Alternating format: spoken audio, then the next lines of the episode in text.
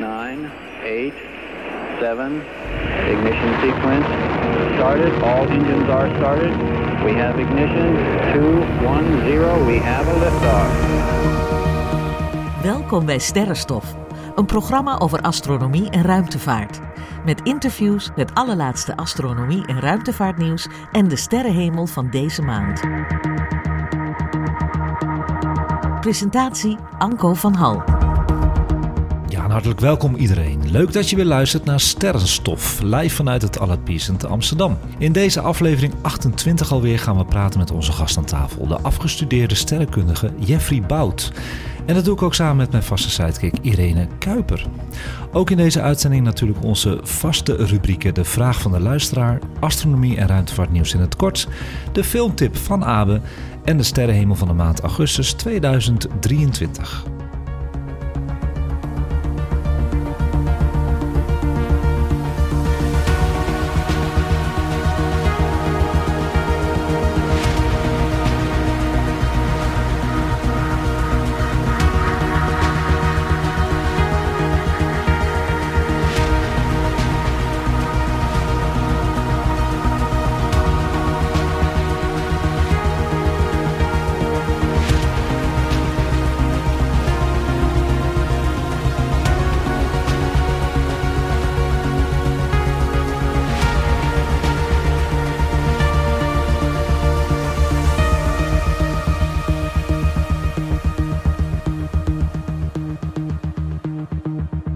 Welkom iedereen aan tafel. Welkom allemaal. En wat goed dat jullie weer aanwezig zijn bij deze vakantieaflevering, mag ik wel zeggen, van Sterrenstof.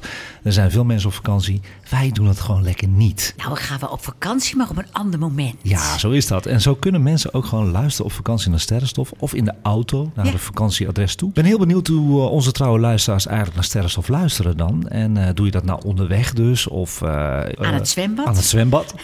of aan het strand? Onder Ja. de sterrenhemel. Of onder een warme, heldere sterrenhemel, Jeffrey. Die staat hier letterlijk. Je ziet mijn Onder een muskietennet. Ja, laat ons maar weten. We vinden het heel leuk. En je mag ook een foto opsturen eh, via Instagram. Sterrenstofnieuws.gmail.com. Ben benieuwd. Nou, Irene Kuip hebben we al gehoord. Dag Irene. Welkom weer bij Sterrenstof. Ja, Ga je, nog, heerlijk. ga je nog op vakantie dan? Ja, ik ga op vakantie in augustus.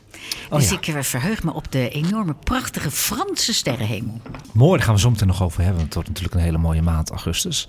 Abe is wel op vakantie, die missen we. Maar hij heeft toch een filmtip kunnen inspreken vanuit Portugal. En dat is weer een hele bijzondere, maar dat dus zometeen. En dus aan tafel, eindelijk, daar is hij dan. Eh, speciale gast Jeffrey Bout. Welkom Hallo. Jeffrey. Ja, hallo.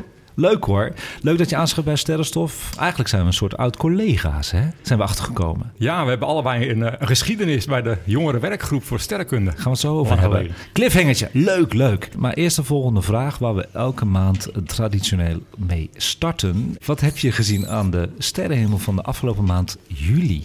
Ja, toch weer eh, de maan. Ja, vind je mooi altijd, ja, hè? ja, ja, ja, vind ik toch altijd wel heel romantisch, ja. Ja.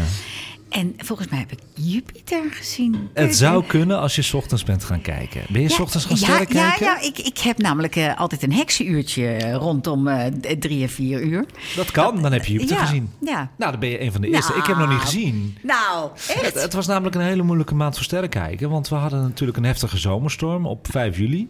Ja. En de rest van de maand was alleen maar wisselvallig. Het is zo'n zomertje hier. Winderig, veel bewolking. Nou, er zijn bij mij in de straat twee bomen omgevallen. Hmm. Waardoor ik nu opeens veel meer uitzicht eh, heb qua hemel. Ach, kijk. Elk nadeel is een voordeel. Ja, ja, precies. Oké, wat zielig voor de bomen. Heel zielig. En het was, ja, het was heel naar. Ze hadden de wortels afgezaagd, omdat de straat open lag. Oh, ja, ja, ja. Dat is wel, wel een gedoetje. Gelukkig hebben we natuurlijk wel leuke vakantiefoto's gehad. Van trouwe luisteraars, van samenstanden van planeten en de maan. Eh, in het buitenland. En dat kun je allemaal vinden als jullie Instagram hebben onder de oranje juli-knop. Ik heb ze allemaal verzameld en leuk daaronder gezet. En ja, Jeffrey, heb je nog wat leuks gezien? Nou, ik ben twee weken geleden een keer wezen sterren kijken met iemand. Ja.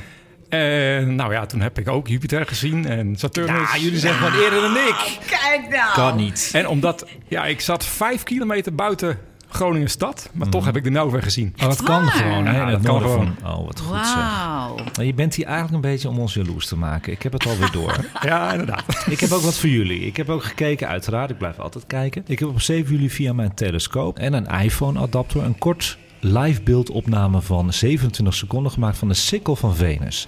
Een van de laatste weken dat je Venus nog kon zien lagen aan de horizon. En eh, hij was mooi te zien. Die heb ik opgenomen. Ik heb het een filmpje laten maken. Want dan zie je hoe snel Venus uit beeld draait. Je ziet de snelheid van Venus in de aarde. Ook te vinden weer via de oranje juli-knop op Instagram. En ook vanaf Sterrenstof YouTube te vinden. Ja, en trouwens, eh, Venus kun je, dat sikkeltje al kun je, een heel klein sterrenkijkertje kun je hem zien. Zeker. En zoals ik al zei, het was een moeilijke waarneemmaand in Nederland. Maar het is me toch gelukt om op 26 juli, een paar nachten geleden, iets na middernacht door de wolken heen de zomerdriehoek te zien. En de zomerdriehoek vind ik altijd een fijn gevoel, een trouw gevoel. Is een eh, groepering van sterren in de vorm van een driehoek dat tijdens de zomer duidelijk waar te nemen is, hoog aan de nachthemel van het noordelijk halfrond dus. Het heeft de vorm van een gelijkbenige driehoek met de top wijzend naar het noorden, met de sterren Altair, Deneb en Vega. Goed zo. Ik, ik heb expres gewacht. Nou, je bent nu al afgestudeerd. Ja. Een leuk verhaal daarbij is Ja. dat eh, Vega, die eh, staat relatief diep dichtbij. Ik weet niet precies, iets van 10 lichtjaren hier vandaan. Ja. Deneb staat op 1500 lichtjaren hier vandaan. Ja, ja, ze zijn bijna even helder. en toch staat Deneb dus verschrikkelijk veel verder weg.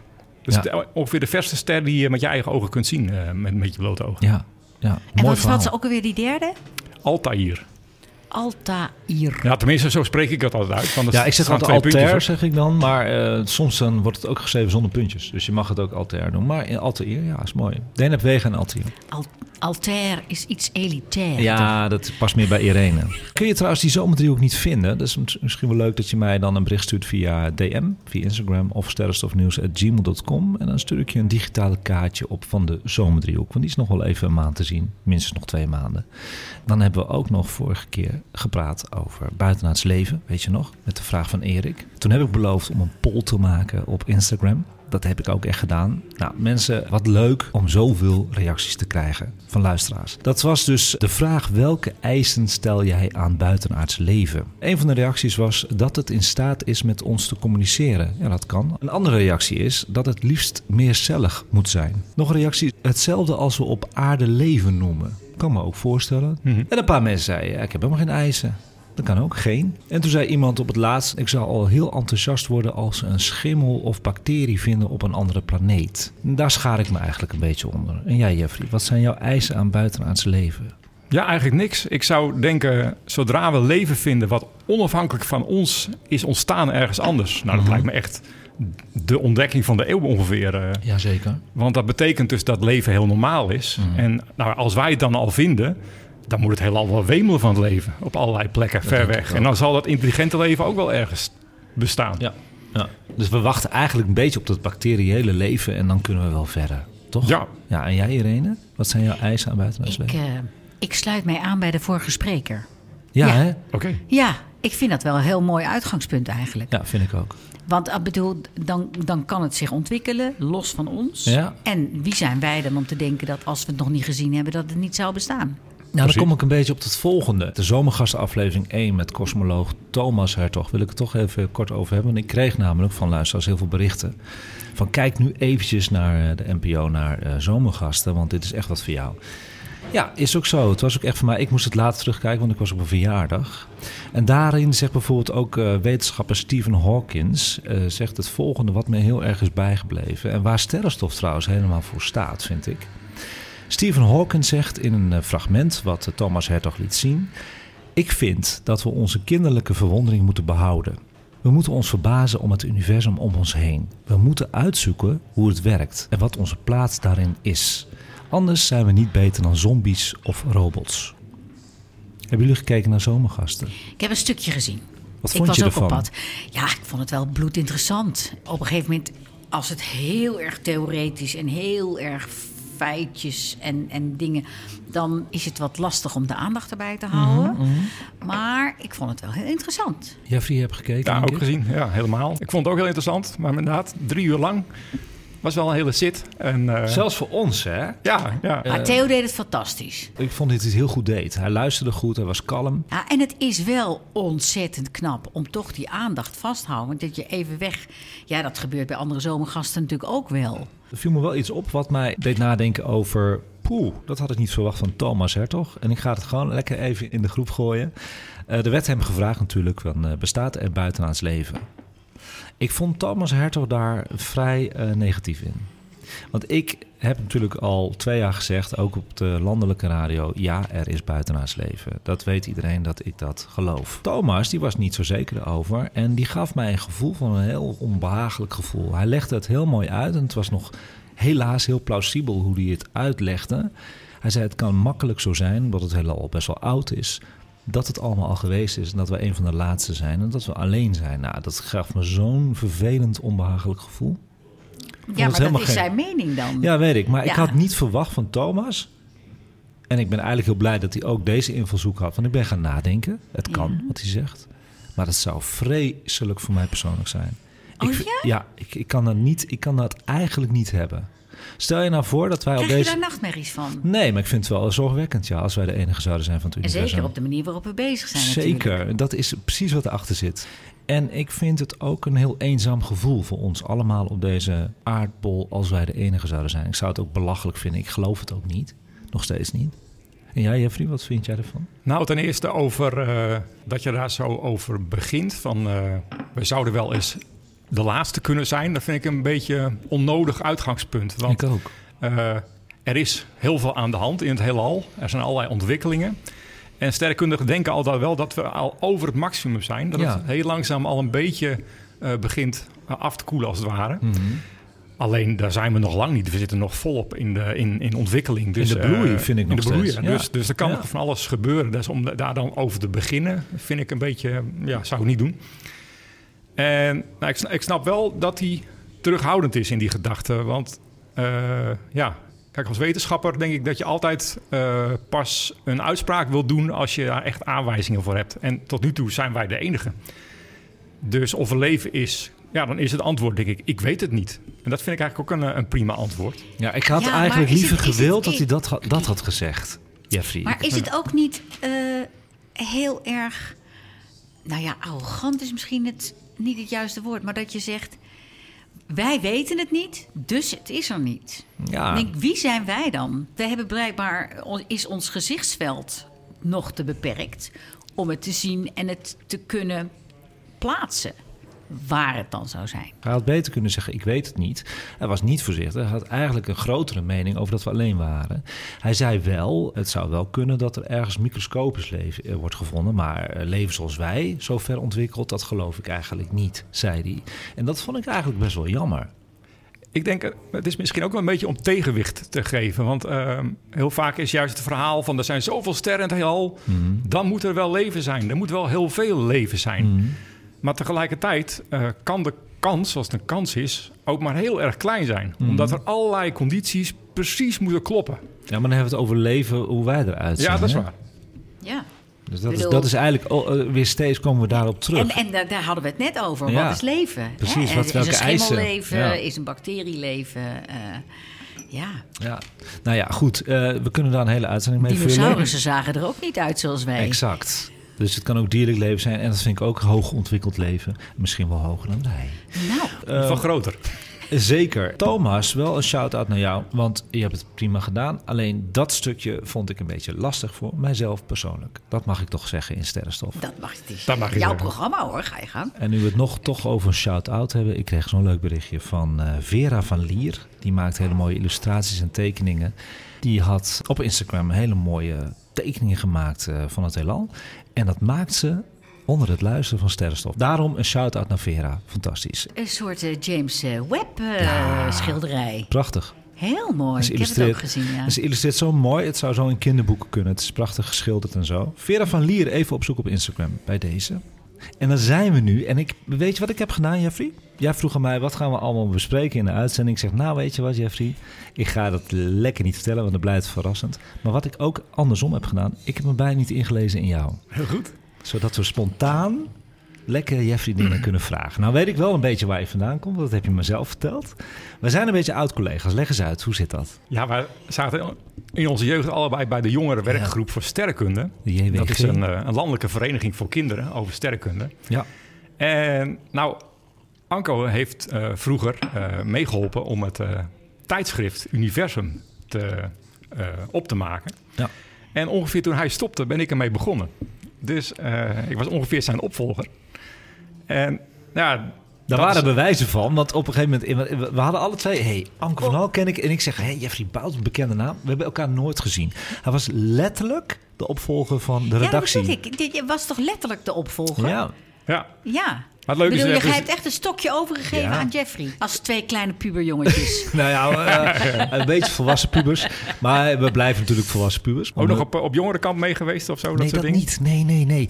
En weet je wie er ook in? Want dat deden ze ook, hè, de JWG jongerenkampen. En dan kon je sterren kijken eh, op de kampen, hè? Jazeker. Ja, was heel leuk. En Hens Simmerman zat er ook in. Govert Schilling, die maakte macaroni, hoor ik van eh, Hens Simmerman.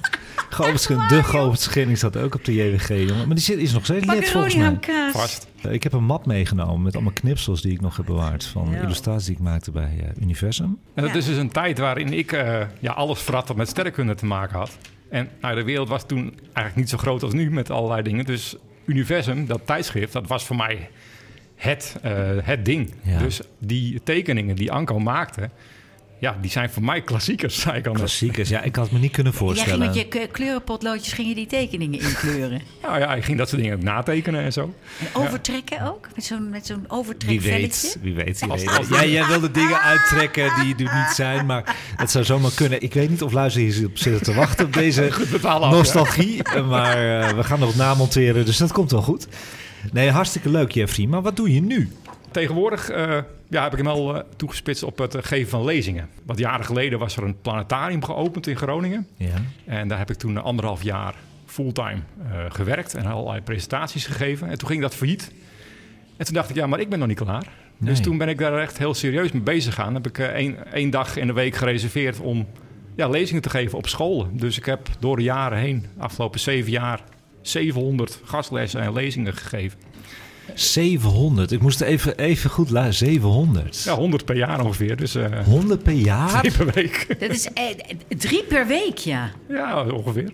Daar zit een passie in, zeg. En wij doen het één keer per en, maand. en waar, waar, de- waar deed je dat? eh, de- op, op, op scholen in de buurt of reisde je door heel Nederland? Nou, vooral in, eh, rondom Groningen. Ik heb, ja, eigenlijk eh, hoe je zoiets doet, is ook dat je gewoon, eh, je moet het gewoon, eh, hoe noem je dat, staat de broek aantrekken. Eh, ik- Je ik belde ging- die scholen en ik, zei ik kom langs. Ik mailde gewoon alle scholen van Groningen van, nou, dit is mijn aanbod en het kost niks.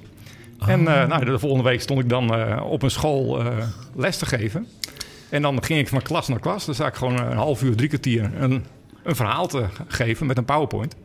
En dan loop ik naar de volgende klas, doe ik het nog een keer en dan nog een keer en nog een keer. Doe ik het er vijf, zes keer op een dag. Dus dan tikt het wel aan. Maar het tikt niet aan in financiën, want je deed het vrijwillig. Ja, ja. En waarom is dat? Dus de passie was zo hoog dat je... ja de passie is zo hoog en wat je er ook voor terugkrijgt. Mensen zijn Ja, ja, altijd zo enthousiast over het heelal. Kijk, weten jullie ook. Maar eigenlijk weten ze er helemaal niet zoveel van af. Klopt. En dat is een hele rare paradox eigenlijk. Ja, dat vind ik zo bijzonder. Het blijft fascinerend, ja. Ja, en, maar ja, tegenwoordig eh, ja, krijg je toch een beetje naam door de, door de jaren heen. Dus tegenwoordig geef ik vooral lezingen in bibliotheken. Ja. Daar krijg je wel wat voor. En dan, ja. eh, En een planetarium en een artist doe je ook. ja, sinds kort ben ik ook eh, hier in Amsterdam eh, presentator in Artes. Ja, leuk. Hey, en Jeffrey, zoals elke gast die bij mij komt, mag zijn eigen onderwerp uitzoeken. Nou had je de afgelopen week een paar. En toen kwam je met het laatste onderwerp en die gaan we doen. We gaan het over de Melkweg hebben. Ja, onze eigen melkweg. Ja, Ja, ja, ja. ik zei dus al dat ik hem eh, een paar weken geleden nog gezien heb. Ik geef een lezing over de Melkweg. Dat doe ik al eh, nou, sinds een jaar. Dat is mijn nieuwe, mijn nieuwe lezing waar ik me een beetje op gestort heb. ja. En laat ik dan beginnen met de vraag. Wie van jullie heeft de Melkweg wel eens gezien? Ik heb hem gezien in Canada. Oké. Ja, de, de, de, de- ja een band hè, ervan. Hè? Dus een, eigenlijk een arm van de melkweg is dat volgens Ja. mij. Ja. En jij, Irene, heb je? Ik weet het niet. Misschien, ik heb wel eens verbaas ik me dat ik heel veel bij elkaar zie. En dan is dat misschien wel een arm van de melkweg Ja, geweest. denk Ik, weet niet of ik het gezien heb. Ja. Ja, het is dus een, een soort hele zwakke band langs de hemel. Die echt van de ene kant naar de andere kant loopt. Dat zou je waarschijnlijk niet helemaal zien. Maar de helderste gebieden, ja, die kan je als eerste zien. Bijvoorbeeld in de richting van het zomerdriehoek. Dus als je eenmaal die zomerdriehoek te pakken hebt, Ja. dan de bovenste twee sterren. En dan ergens in het midden, dan zie je misschien een wolkje, heel zwak. Oh ja. Nou, dat is het helderste gebied wat wij kunnen zien in de sterrenbeeld Zwaan. Maar eh, ja, in de zomer en in de herfst, dan nou, moet die wel goed te zien zijn. Alleen hier in Nederland nou, is dat wel heel lastig geworden. Er is natuurlijk eh, veel lichtvervuiling, vooral in de Randstad. Dus het wordt wel steeds moeilijker. En ja, ehm, toen ik eh, een kind was, eh, heel lang geleden, toen woonde ik in een klein dorpje in het Oostpolder. Ja. Nou, dan was het, toen was het echt stikdonker, Ja. een jaar of veertig geleden. En ja, dat zit dus ook nog in mijn hoofd gegriefd. al die ontzettend veel sterren die je toen nog zag. En Zo. ook de Melkweg. En ja, het beetje tragische is, is dat de lichtvervuiling elk jaar met 5% toeneemt. 5 procent? Dat is gewoon een verdubbeling in 20 jaar. Dat is, 5 procent. Je haalt er een boek bij en dat is een mooi boek, oud boek. ja, ik heb een oud boek meegenomen. Dat is geschreven door Frederik Keizer. En het heet De Sterrenhemel en het komt uit ongeveer 1880. Oh, wauw. Frederik Keizer was, zei ik al, de directeur van de Leidse Sterrenwacht. En dan heb ik hier een klein stukje, dat wil ik even een heel klein stukje voorlezen. Leuk, leuk. Wij moeten nu in een der treffendste verschijnselen leren kennen, die ons de sterrenhemel ter beschouwing aanbiedt. Namelijk die zonderlinge lichtenband die zich aan de nachtelijke hemel vertoont. Die de aandacht van zelfs den oppervlakkigsten beschouwer des hemels niet ontgaan kan. En die elk een reeds in zijn jeugd den melkweg hoorde noemen. Op de ene plaats vertoont hij zich breder en helderder dan op de andere. En op een bepaald punt des hemels schijnt hij zich in twee bogen of armen te splitsen, die even over ene aanmerkelijke uitgestrektheid gescheiden blijven en zich daarna weer verenigen. Ja, het klinkt heel mooi, poëtisch bijna al. Ja, de- die dus zelfs den oppervlakkigsten beschouwer des hemels niet ontgaan kan. Ja, zo, wat prachtig verwoord. Wat bijzonder. Een boek van 143 jaar oud? Ja, dus 1885. Nou, Oh, toen waren er geen, 1885. toen waren er geen lantaarnpalen. Nee. Toen was het echt pikdonker in Nederland. Ja, Wat me ook opvalt, hij zegt tweebenig, zegt hij. Dat hij twee armen ziet. Twee van- armen ziet. Ja, dat komt in, in, de, in de sterrenbeeld de Zwaan. Daar, daar scheidt hij zich een beetje in tweeën... Ja, omdat er ja, een ja. stofband door het midden heen Ja, loopt. nou, dat is leuk om te weten voor de luisteraars ook. Ja. Maar wat een lekker boek ook. Een goede koffer ook. Ik wil het hebben. Dat is fijn, maar ik krijg het niet. Dus jij zegt dat 5% per jaar erger wordt. Wat is de verwachting voor je dan van het noorden van Nederland? Want daar kun je nog wel de Melkweg zien. Ja. Ehm, Daar heb ik het waarschijnlijk en ook gezien. Het, het, het, het goede nieuws is... In Het, Friesland. Ja, het goede nieuws is, het kan nog prima. Ehm, als je een auto hebt en je, je wacht gewoon een goede eh, avond af... Ja, Ehm, er is geen maan nee. en je ziet al overdag... Dit is echt een goede blauwe lucht. Ik zie geen sluierbewolking of zo. Of eh, vage witte ge- gebeuren. Het moet een glashelder zijn, hè? Diephelder. Gewoon een goed heldere nacht, Ja. de- denk je. Nou, pak dan gewoon de auto en rij naar Wateren in Drenthe. Een klein dorpje. Dat is volgens mij een van de donkerste plekken van Nederland. Nou, daar moet je hem dan zien. Dan Ja. spat hij nog wel gewoon van de hemel af. Ja. Of ook Lauwersmeer, helemaal in het noorden. Of ook in Zeeland schijnt het eh, nog steeds wel goed helder te zijn. Dus het kan nog best. Alleen je moet wel even een beetje moeite doen. Nou ja, dat is even dus iets wat ik kan vertellen over het eh, bekijken van die melkweg. Ja. En ja, ik zei al, ik geef daar een, een lezing over. En wat ik dan eh, vooral belicht is wat een melkweg is. Mhm. En wat ik ook heel leuk vind, om daar te vertellen over hoe men daar dan ooit is achtergekomen. Je ziet dus een lichtende band, maar wat is dat? Ja. En het leuke is dat Nederland daar een behoorlijk grote rol in heeft gespeeld door de afgelopen 150 jaar. Nou ja, ten eerste, wat is die melkweg? Het is een soort grote schijf van sterren van ongeveer 200 miljard sterren waar wij in wonen. En nou heb ik inderdaad een eh, afbeelding meegenomen. Die wou ik dan even laten zien. Hier heb ik die. Dat is van de bovenkant afgezien de Melkweg, hè? Onze Melkweg. Ja, dit is eh, 200 miljard sterren? 200 miljard sterren. En een van die sterren is dus onze zon. En wij wonen dan in die melkweg. En dan heb ik eh, bij deze afbeelding een rondje gezet. En in dat rondje, midden in het rondje, daar wonen wij dus. Goh. En dit is niet zomaar lukraak wat van die eh, spiraalarmen of zo getekend. Het is wel echt gebaseerd op hoe wij denken dat het er ongeveer uitziet. Eigenlijk een hele mooie eh, structuur hebben wij. Ja, Mooi Het lijkt een soort wervelstorm. Ja. Ja, lijkt een beetje op een wervelstorm eh, zoals die gewend zijn inderdaad, van, eh, van weerkaarten. En nou kun je daar een pijltje neerzetten. Zo van, nou daar wonen wij. Maar ik heb expres daar een rondje neergezet. Want eh, in dat rondje zitten alle sterren die je zelf met je eigen ogen aan de hemel kunt zien. Wauw. Maar eh, oké. Maar buiten het rondje om kunnen we niet zien? Nou, behalve dan die hele vage band van de Melkweg. De, de grap is dus als mensen naar buiten gaan, een keer als ze dat doen en ze zien de sterrenhemel, dan denken ze, oh, dus dit is het heelal. Ah. Nou, het antwoord is helaas nee. Het is veel groter dan dat. Eh, de Melkweg is sowieso al heel veel groter. Dus zo'n 100 jaar geleden, zo rond 1900, 1920, toen kwam men erachter hoe groot die Melkweg is. En ik zei al van nou, Nederlanders hebben daar een grote rol in gespeeld. Bijvoorbeeld uh, iemand uit Groningen, namelijk uh, Jacobus Kaptein. Die heeft toen uh, de hele Melkweg, vooral het gedeelte aan de zuidelijke halfrond, mm -hmm. heeft hij helemaal in kaart gebracht.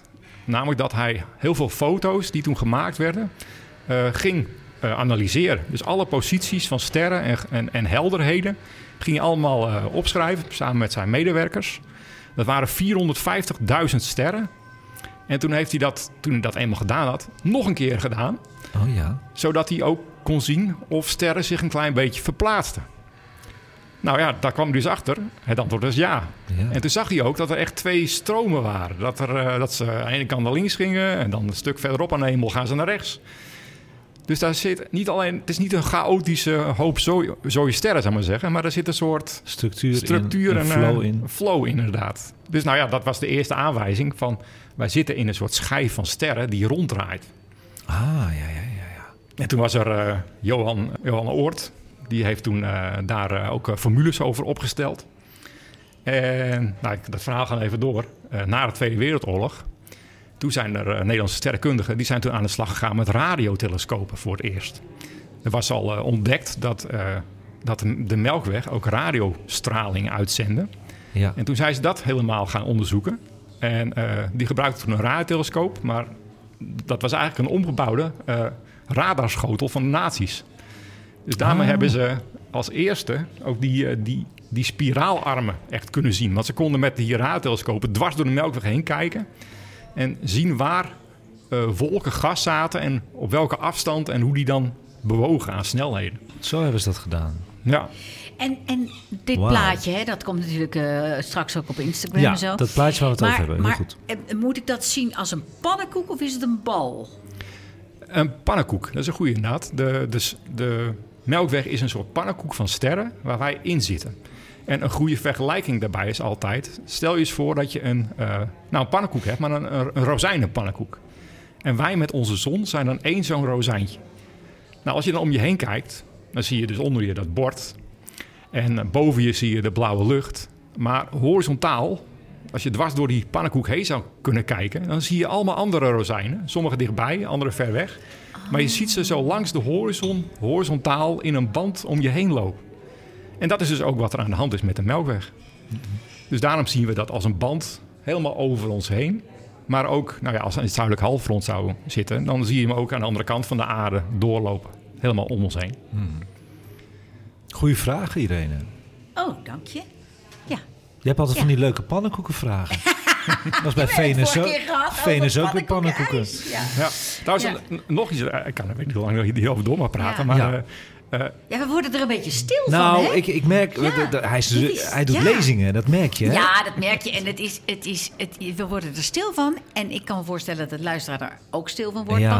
Want je gaat het je voorstellen en je, je, je, je denkt dat je dan een perceptie hebt van de grootte. En vervolgens corrigeer je jezelf omdat je denkt: nee, het is nog verder. Ja, en dan hebben we het alleen maar over onze... Nog groter. Ja, exact. ja, het is zelfs nog nog groter dan de. Melkweg. Dat, Dus je, je- dat, dat, kost tijd om je dat, om je dat voor te stellen. Ja, zeker weten, ja. Maar we kunnen ook naar een andere melkweg kijken, hè?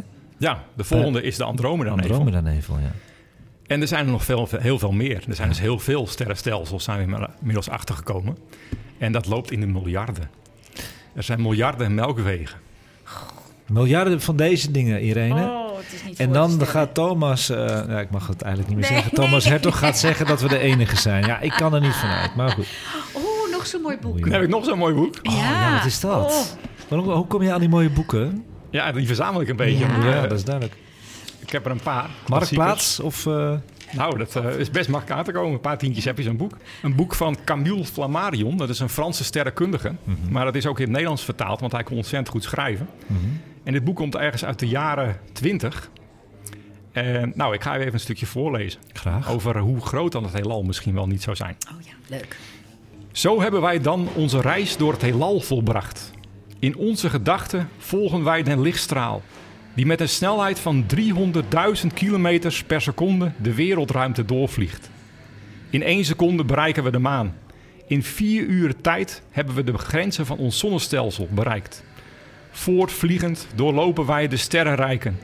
Eeuw aan eeuw vliegen wij voort. En na duizenden, miljoenen en miljarden eeuwen te zijn voortgevlogen, na de wording en vernietiging van ontelbare werelden te hebben aanschouwd, na van melkwegstelsel tot melkwegstelsel te zijn voortgehopt, na zwarte, onpeilbare afgronden te zijn overgesprongen, bereiken wij telkens nieuwe zonnen, nieuwe scheppingen. Is dan nooit het einde bereikt? Zijn wij nog niet aan de grenzen van het heelal? We zijn nog steeds in het voorportaal der oneindige ruimte.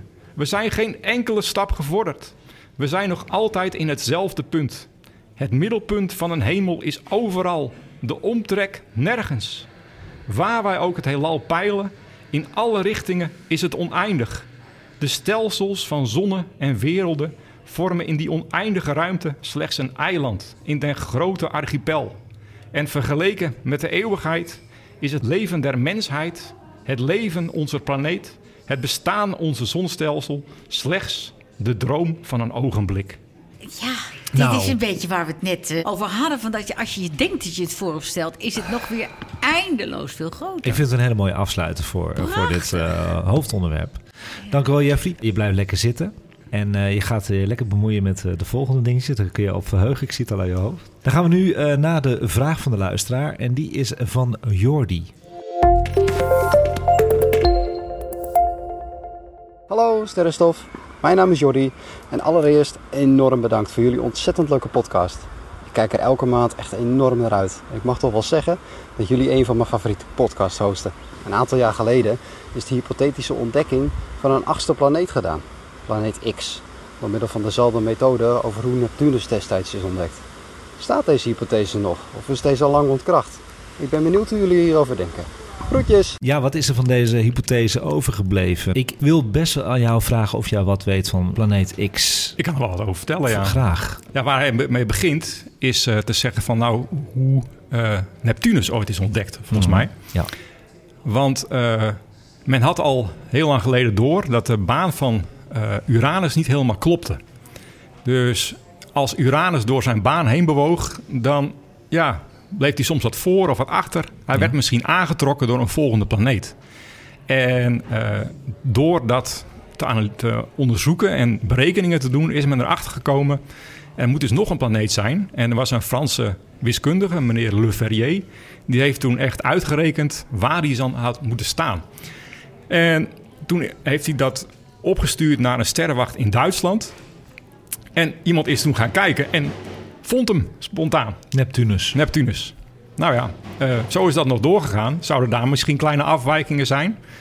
Ehm, uiteindelijk is Pluto ontdekt. Ik weet niet of dat daar nog iets mee te maken had. Maar ehm, er is nog steeds de vraag dan, zijn er nog meer planeten? En eigenlijk sinds een paar jaar is dat weer opnieuw leven ingeblazen. Ja, in 2015. Want er, er, is, eh, er zijn een aantal kleine planeetjes ontdekt, nog veel verder weg dan Pluto.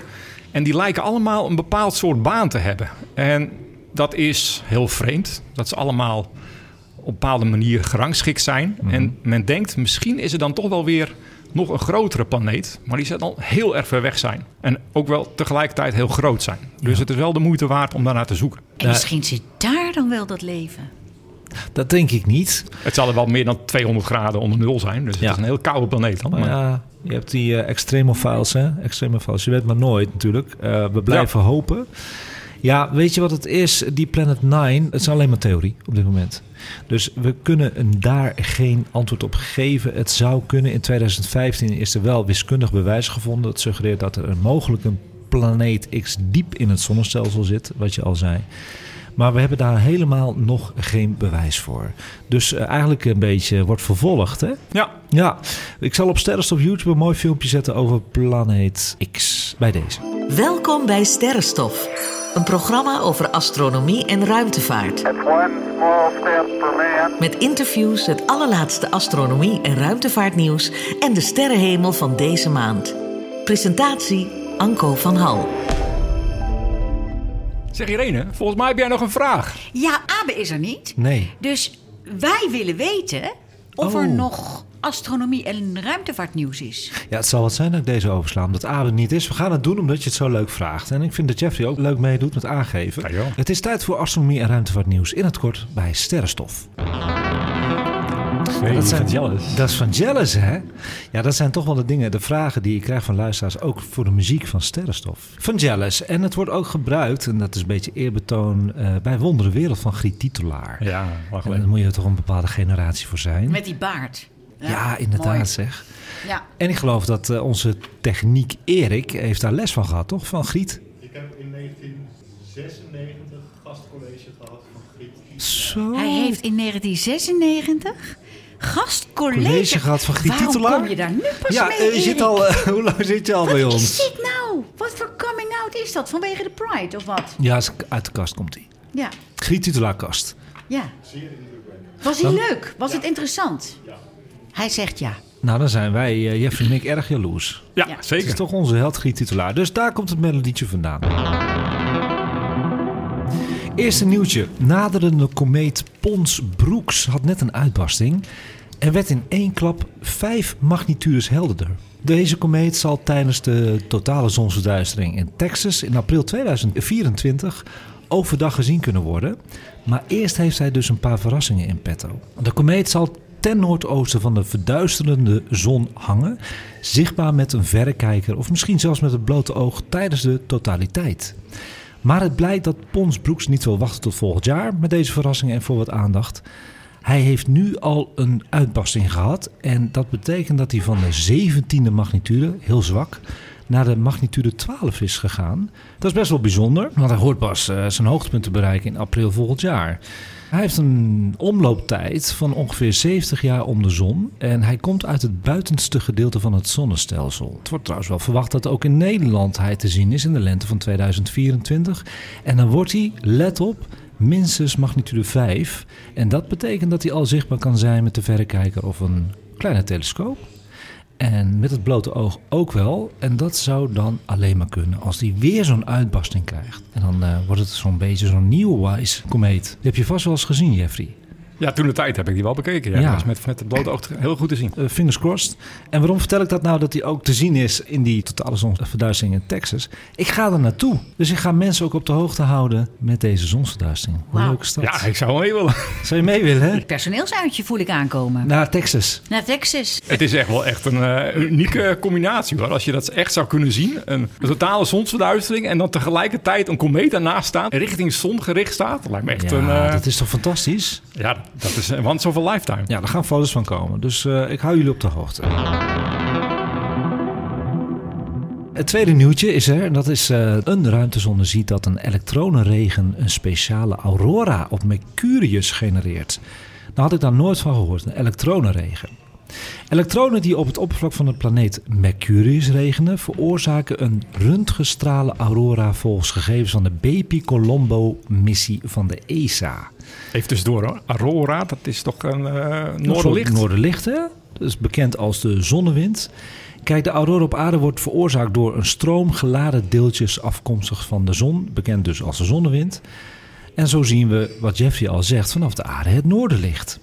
Maar vanaf Mercurius is dat anders, want die heeft een hele dunne atmosfeer, bekend als een exosfeer.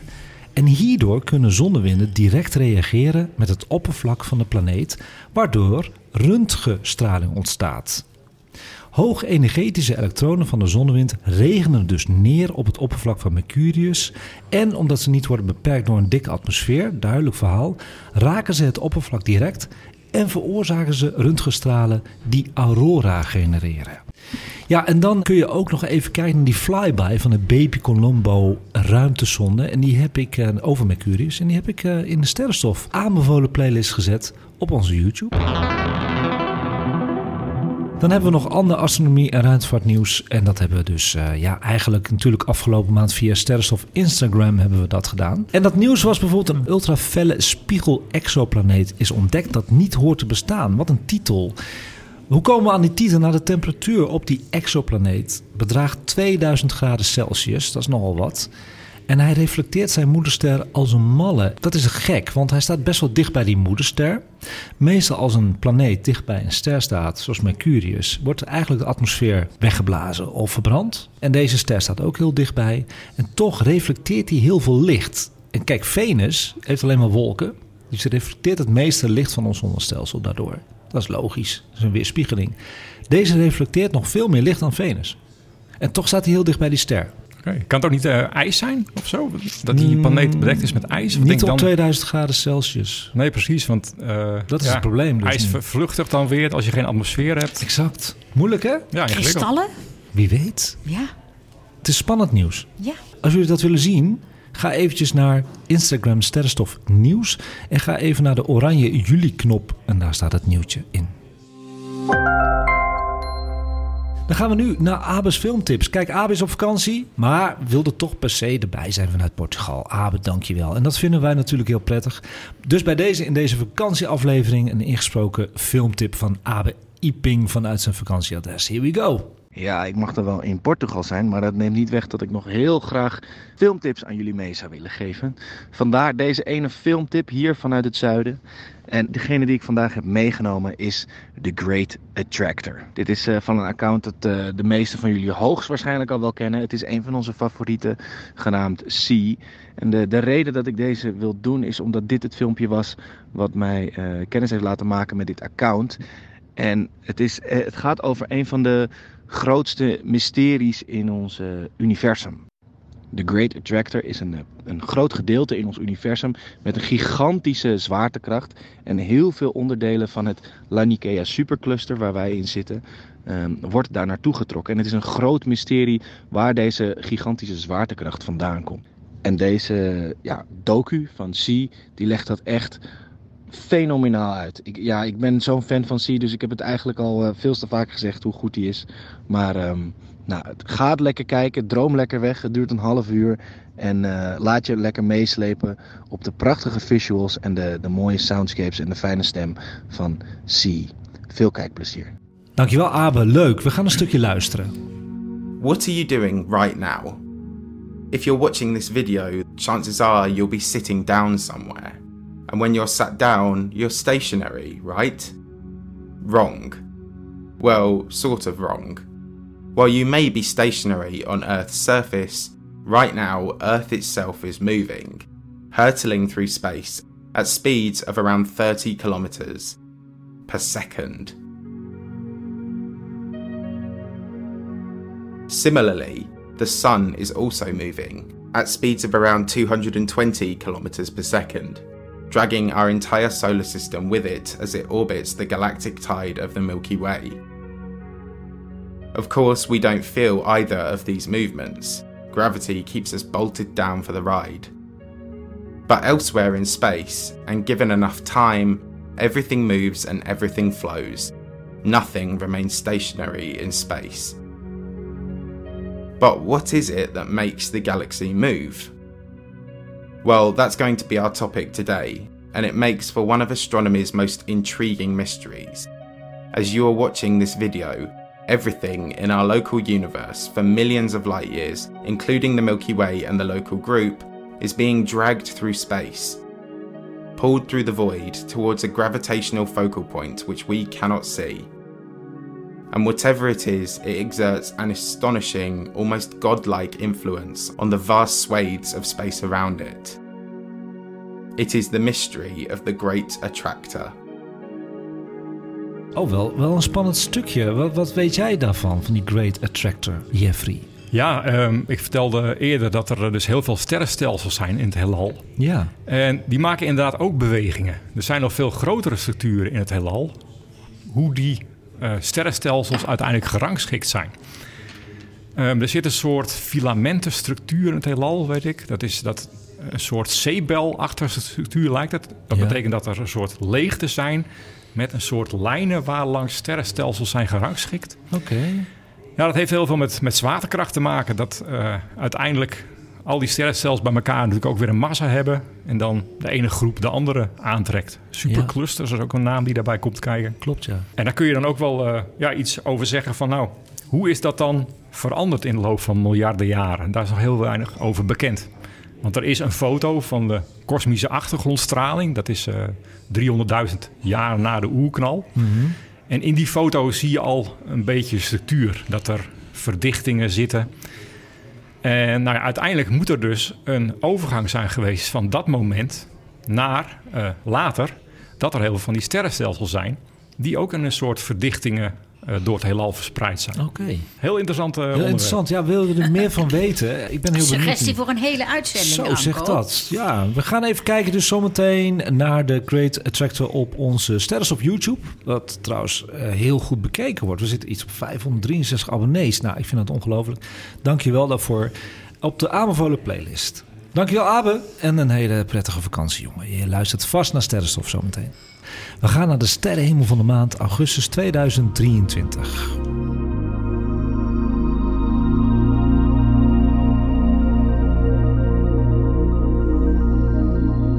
Er zijn deze maand twee planeten met het blote oog zichtbaar en twee met een telescoop.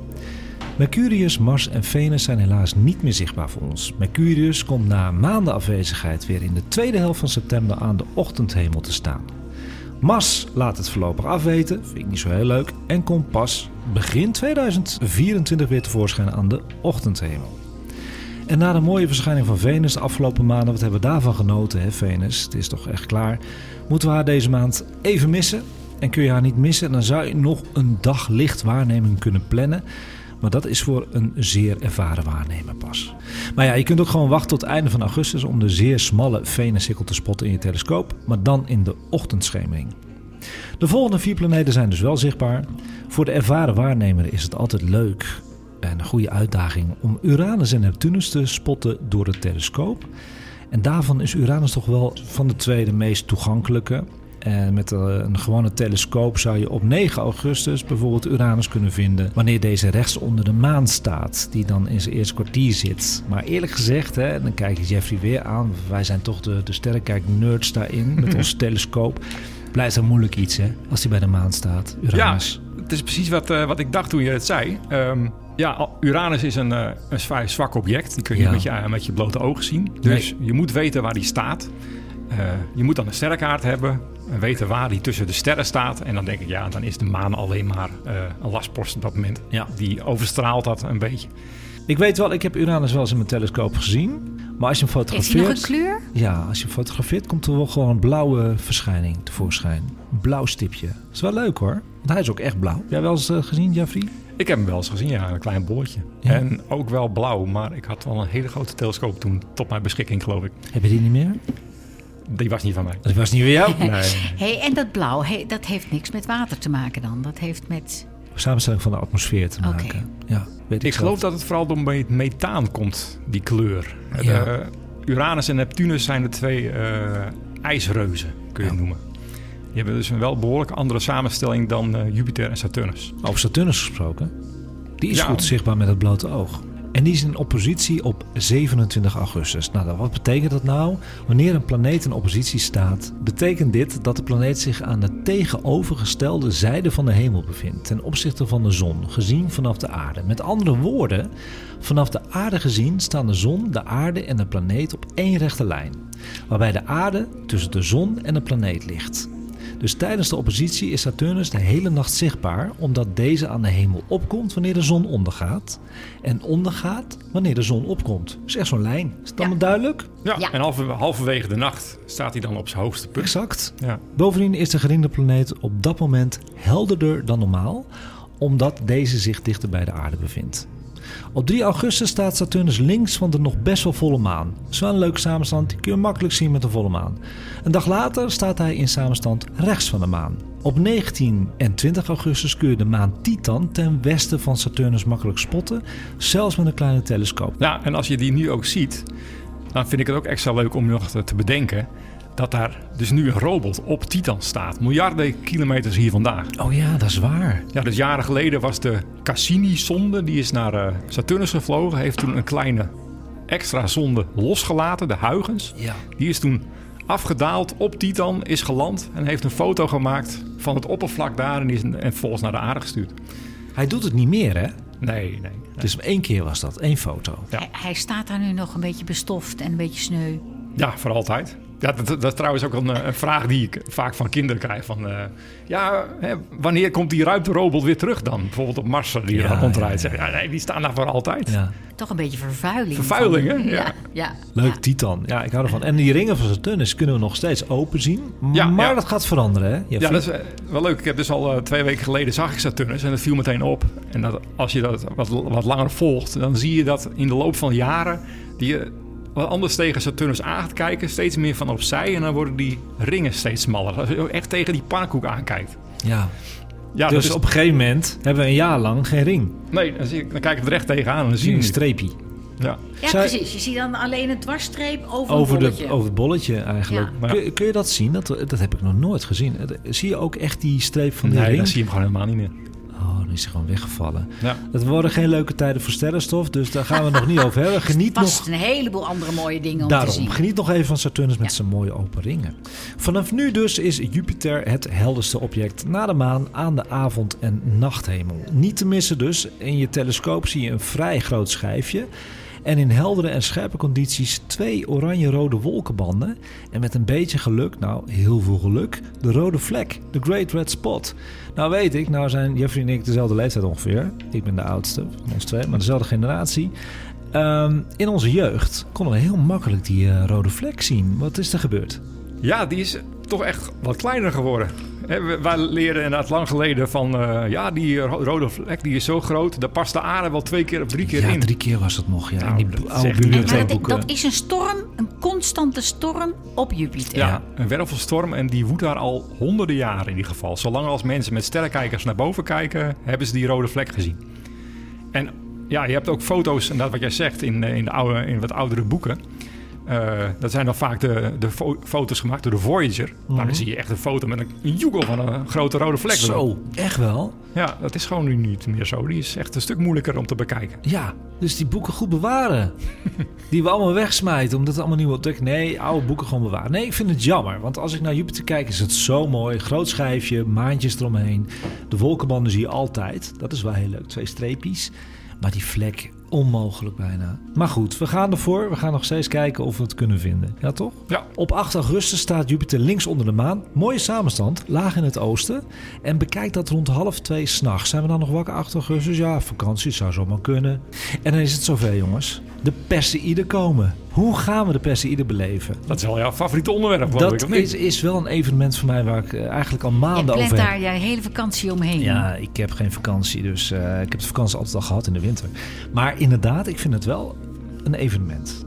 Want de Perseïde, ik heb een heel leuk filmpje opgestuurd gekregen van Jeffrey. Die heeft daar een hele mooie film over. Tenminste, ja, wat is het? Een lezingachtig Uitlegje, ja. uitlegfilmpje.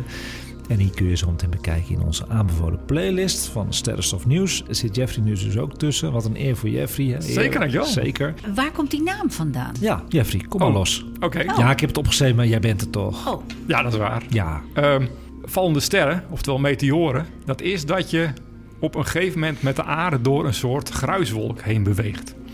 Die daar, eh, laten we zeggen, altijd hangt. En ehm, nou, als je op een bepaalde manier door zo'n eh, gruiswolk heen beweegt, ja. dan zie je ook die dingen op je afkomen. Uit een bepaalde, alsof ze uit een bepaalde richting komen. Dat is Ja. net hetzelfde als dat je een, eh, een machinist in de trein bent. Dan zie je die rails in de verte. En dan komt alles, zeg maar, op je af. Terwijl je zelf natuurlijk die kant op rijdt. Ja. Nou, dat is bij de eh, vallende sterren ook zo. Wij bewegen met de aarde door die wolk heen. Daardoor lijkt alles uit één richting te komen vanuit één punt. ja. Nou, dat ene punt noemen we het radiant. En dat ligt in het sterrenbeeld Pershuis. Vandaar die benaming. oké. het is een soort tunnelvisie. Ja, precies. Het is een eh, perspectief. En waar komt die stof vandaan? Ja, die komt van een eh, komeet. Die heet eh, Swift-Tuttle. Die hebben we samen, ik weet niet, onafhankelijk van elkaar, die komeet ooit ontdekt. Oké. Ehm, of herontdekt zou je beter kunnen zeggen. Want een komeet, het is eigenlijk een soort grote vuile sneeuwbal. Een heel brokkelig, waterig materiaal waar die van gemaakt is. Die draait om de zon heen. En Swift-Tuttle doet dat eens per 133 jaar, weet ik. En dat is een hele elliptische baan waarbij die soms heel ver weg van de zon is en soms dichtbij de zon is. En als die dan dichtbij de zon is, dan ja, wordt die verwarmd en laat al dat materiaal los. En dan krijgt hij een mooie staart. En dat blijft dan allemaal achter in die baan van die komeet.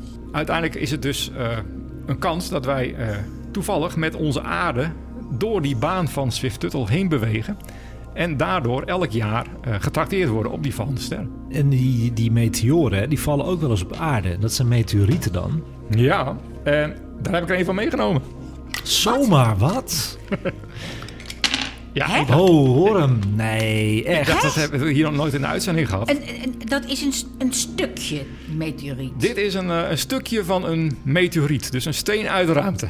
Hier alsjeblieft dit ene. Oh, luisteraars, er gaan foto's van gemaakt worden. Dus dat komt op internet. zwaar is dat. Is het zwaar, ja? Ik vind het een heel zwaar stukje. Ik heb nog nooit een meteoriet in een mijn handen beetje gehad. een, stukje vulling. Dat is ook altijd zo zwaar.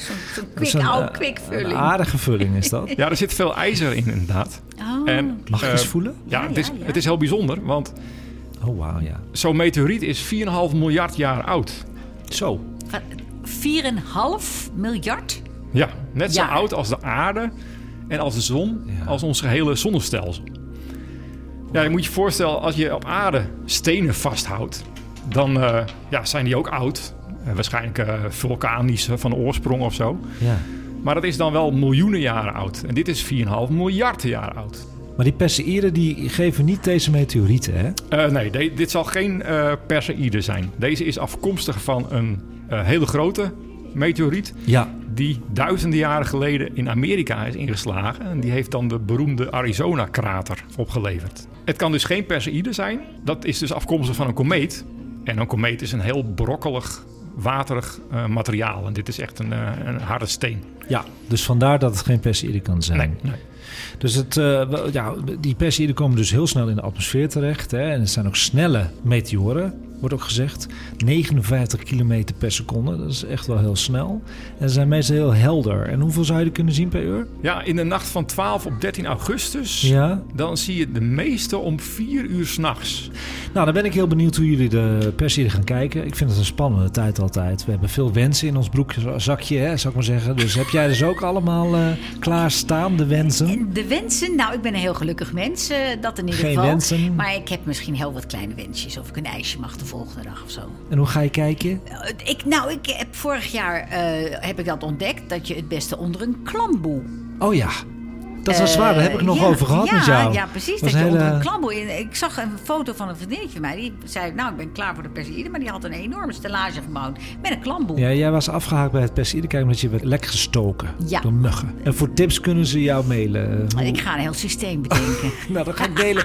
dat ga ik delen op Instagram. Lijkt me leuk. En jij, eh, Jeffrey? Ik ga denk ik naar het Lauwersmeer. Oh ja. Want eh, dit jaar is het eigenlijk best wel een bijzondere manier om te gaan kijken. Want in die avond, 12, 13 augustus, dan is er geen maanlicht. Dat is wel eens fijn, hè? Ja, soms dan eh, staat de maan er en dan, ja, die stoort natuurlijk nogal. Die geeft, eh, daardoor kun je een stuk minder goede, zwakke vallende sterren zien. Dit jaar is dat dus mooi. Dus ga dan echt naar een donkere plek. eh, om zo goed mogelijk naar die eh, vallende sterren te gaan kijken. En dan een plek met goed uitzicht. Want in het bos, ja, dan zie je veel minder vallende sterren. De, de vallende sterren zijn eigenlijk nu al begonnen. eh, de Perseïden, dat er al een aantal langskomen. Ja, klopt. Dus je hoeft niet precies, precies op die ene nacht te gaan wachten. De dag, nachten daarvoor en daarna zie je er ook eh, al best wat. Goed Ehm, gezegd. Ja, ja, is dus ook zo. Anders is het die ene nacht bewolkt, dan heb je niks. Nee, nee, dat is een hele goede tip. Hoe gaan jullie kijken, luisteraars? Daar zijn we heel erg benieuwd naar. Want eh, ten eerste wil ik weten hoe je kijkt. Je kan een fotootje opsturen naar Sterrenstof Nieuws. Instagram ga ik het even delen. Je kunt eh, aangeven hoeveel jij er hebt geteld. Vind ik ook wel heel leuk. Mijn maximum was ooit, ik geloof iets van 32, kan ik me herinneren, in een uur. Nou, dat vind ik echt een groot aantal. Ging maar door. Het was een beetje sterrenregengevoel ook. Geweldig. Dus laat me dat gewoon even weten op sterrenstofnieuws.gmail.com hoe jij gaat kijken naar de Perseïde of gewoon DM'en via Instagram.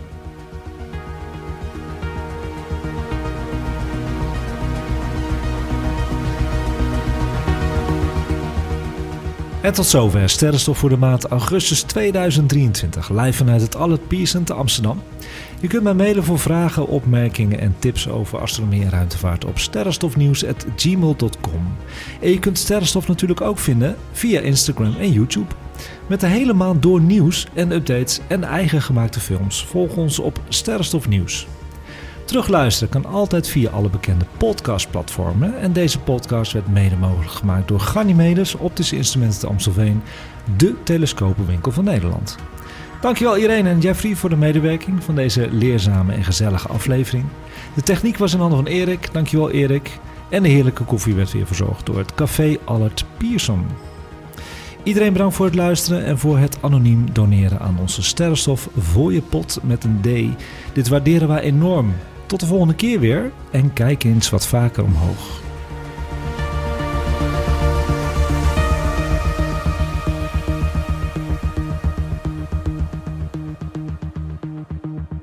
Luister jij graag naar deze podcast en wil je de maker ondersteunen voor alle moeite en toffe content?